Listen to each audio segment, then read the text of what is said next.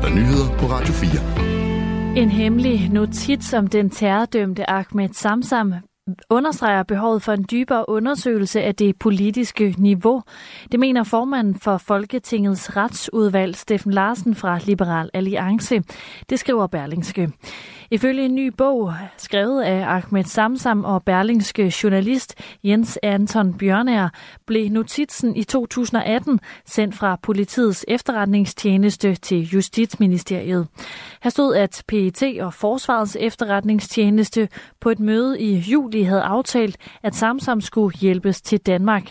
En notits om mødet blev sendt til Justitsministeriet i august 2018, men i november sendte PET en revideret opdateret version af den oprindelige notits, lyder det. Det hævdes i bogen, at den nye version var identisk med den første, men afsnittet om, at Samsam skulle hjælpes hjem, var væk. Det lyder vildt. Det er ikke til at vide, hvad der ligger bag ændringen i notitsen, siger Steffen Larsen til Berlingske. Synspunktet bakkes op af Frederik Våge, professor i forvaltningsret ved Syddansk Universitet. Det er jo politisk bestemt, at man ikke vil undersøge det her område, men der er bare så mange uklarheder omkring Justitsministeriets optræden, at det efter min opfattelse kalder på en undersøgelseskommission, siger Frederik Våge til Ritzau. For lidt over to måneder siden blev SVM-regeringen og SF enige om, at Samsam-sagen skal undersøges. Det gælder dog primært efterretningstjenester, efterretningstjenesternes eventuelle ageren i Samsam-sagen, og altså ikke det politiske niveau herunder Justitsministeriets ageren. Flere indvandrere og efterkommere med ikke-vestlig baggrund er i job. Det skriver TV2, som har fået indblik i en analyse fra fagorganisationen Lederne med tal fra Danmarks Statistik og Jobindsats.dk. I dag er der over 100.000 flere indvandrere fra ikke-vestlige lande i job end i begyndelsen af 2008.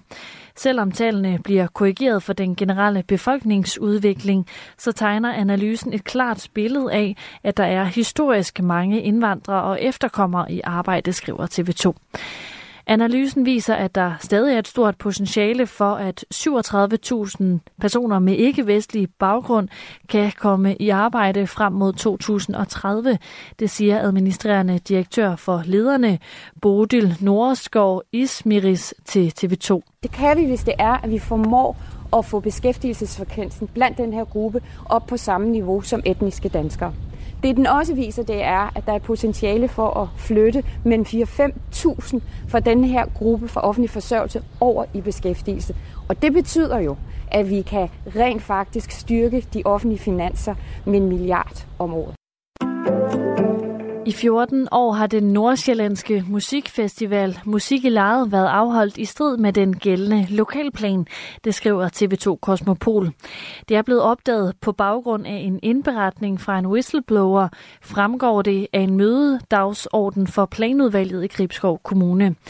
Hvis festivalens fremtid skal sikres, kræver det, at der laves en ny lokalplan. Musik i lejet kan ikke være i det område, fordi lokalplanen ikke muliggør det, siger Bo Jul Nielsen fra Radikale Venstre. Han er formand for planudvalget i Gribskov Kommune, og det siger han til TV2 Kosmopol. Han gætter dog på, at der vil kunne laves en midlertidig tilladelse, så festivalen kan løbe af stablen i år som planlagt. For fremtiden skal der måske en ny lokalplan til, og det er altså ikke nødvendigvis så lige til. Festivalen har nemlig skabt stor debat i lokalmiljøet og ligger også op af et særligt beskyttet Natura 2000-område. Den amerikanske tech-gigant Apple risikerer at få en bøde fra EU på omkring 500 millioner euro for at favorisere sin egen musiktjeneste frem for konkurrenternes. Det skriver Financial Times. Avisen har talt med fem anonyme kilder, som har kendskab til sagen. Bøden, som altså svarer til mere end 3,7 milliarder danske kroner, ventes at blive annonceret i begyndelsen af marts, skriver Financial Times. Det vil altså så være første gang, at Apple får en bøde fra EU for at bryde unionens konkurrenceregler. I nat stedvis regn og mulighed for tåge mellem 3 og 5 grader. I morgen får vi endnu en grå dag med let regn og mellem 4 og 8 graders varme. Det var nyhederne kl. 22 her på Radio 4.